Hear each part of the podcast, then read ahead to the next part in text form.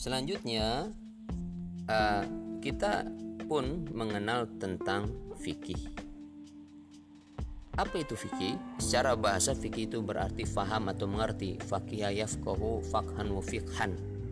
Sementara menurut istilah para ulama, fikih adalah al ilmu bil ahkami syar'iyyatil muktasabati min adillati tafsiliyati bi tariqatil ijtihad yaitu mengetahui hukum-hukum syara yang diperoleh atau diambil dari dalil-dalil yang terperinci dengan cara atau metode ijtihad.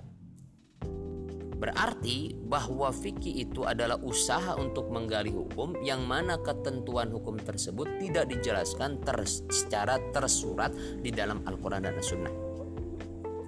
Contoh misalkan ya, Allah melarang yang namanya minum khamr, innamal khamru, sungguhnya khamr Homer itu adalah perasan anggur yang difermentasi sehingga kalau misalkan orang minum minuman tersebut maka dia akan mabuk atau hilang akalnya.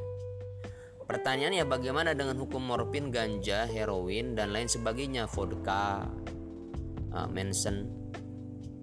Ya. Kita lihat argumentasi hukumnya atau ilat. Nah, Homer itu alasan diharamkan atau argumentasi hukumnya diharamkan karena dia dapat memabukkan dan menghilangkan akal.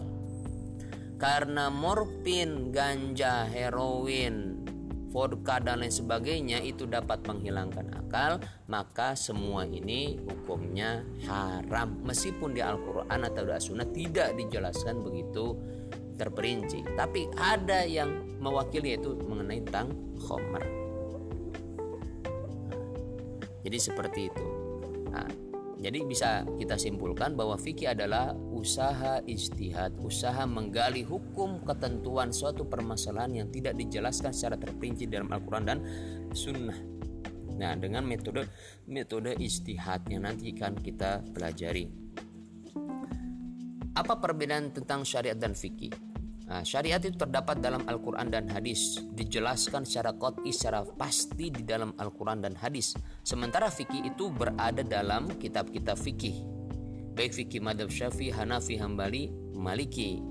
Yang tentu karena pemahaman dan disiplin ilmunya serta situasi politik dan kondisi kemasyarakatan berbeda bisa jadi hukumnya berbeda. Contohnya ya, di dalam Al-Quran Allah menjelaskan aula mastumun nisa. Perkara yang membatalkan wudhu yaitu aula mastum atau lamastum an-nisa. Dalam madhab syafi'i ya, lamastum diartikan sebagai masastum menyentuh kulit dengan tanpa penghalang. Jadi kalau ada laki-laki yang bukan mahram seorang wanita bersentuhan kulit dengan wanita tersebut maka batal wudhunya. Berbeda dengan madhab maliki atau hanafi, lamastum diartikan sebagai jama'tum atau kalian berhubungan intim dengan istri kalian. Artinya, kalau menyentuh kulit saja dalam pandangan madhab Maliki dan Hanafi itu tidaklah membatalkan wudhu. Nah, sebab yang batal wudhu adalah hubungan intim. Mana yang kita ikuti? Yang kita ikuti ya yang menurut kita argumentasi hukumnya lebih kuat.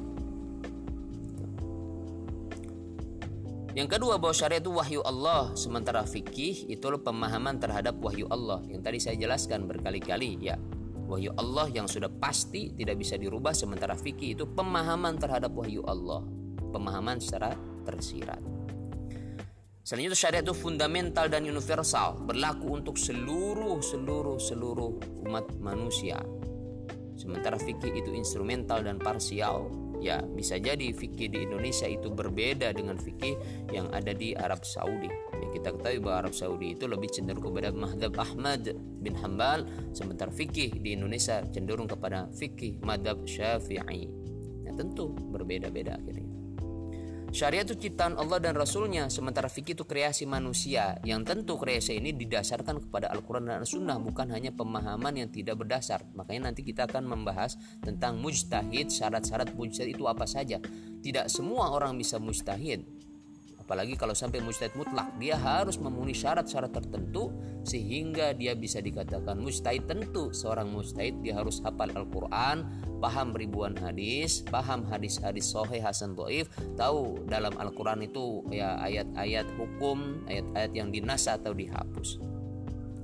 Selain itu syariat itu abadi, sementara fikih itu dapat berubah. Nah, dalam madhab syafi'i sendiri, Imam Syafi'i itu pendapatnya ada kol kodim dan kol jadid, ada pendapat lama, ada pendapat baru. Ini terjadi karena beliau itu berbeda situasi dan tempat. Ya. Ketika beliau berada di Irak, itu dikenal dengan kaulul kodim, pendapat dahulu. Ketika beliau pindah ke Mesir, jadi kaulul jadid, pendapat yang baru. Nah, syariat itu tidak berbilang atau satu, fikih itu mungkin berbilang ya. Ya berbilang tadi ada madhab, madhab Maliki, Hanafi, Syafi'i, Hambari. Syariat itu absolut, kebenarannya itu pasti, sementara fikih itu relatif. Relatif. Ya, itu saja barangkali pada pertemuan hari ini yang bisa Bapak sampaikan. Nah, semoga bermanfaat. Assalamualaikum warahmatullahi wabarakatuh.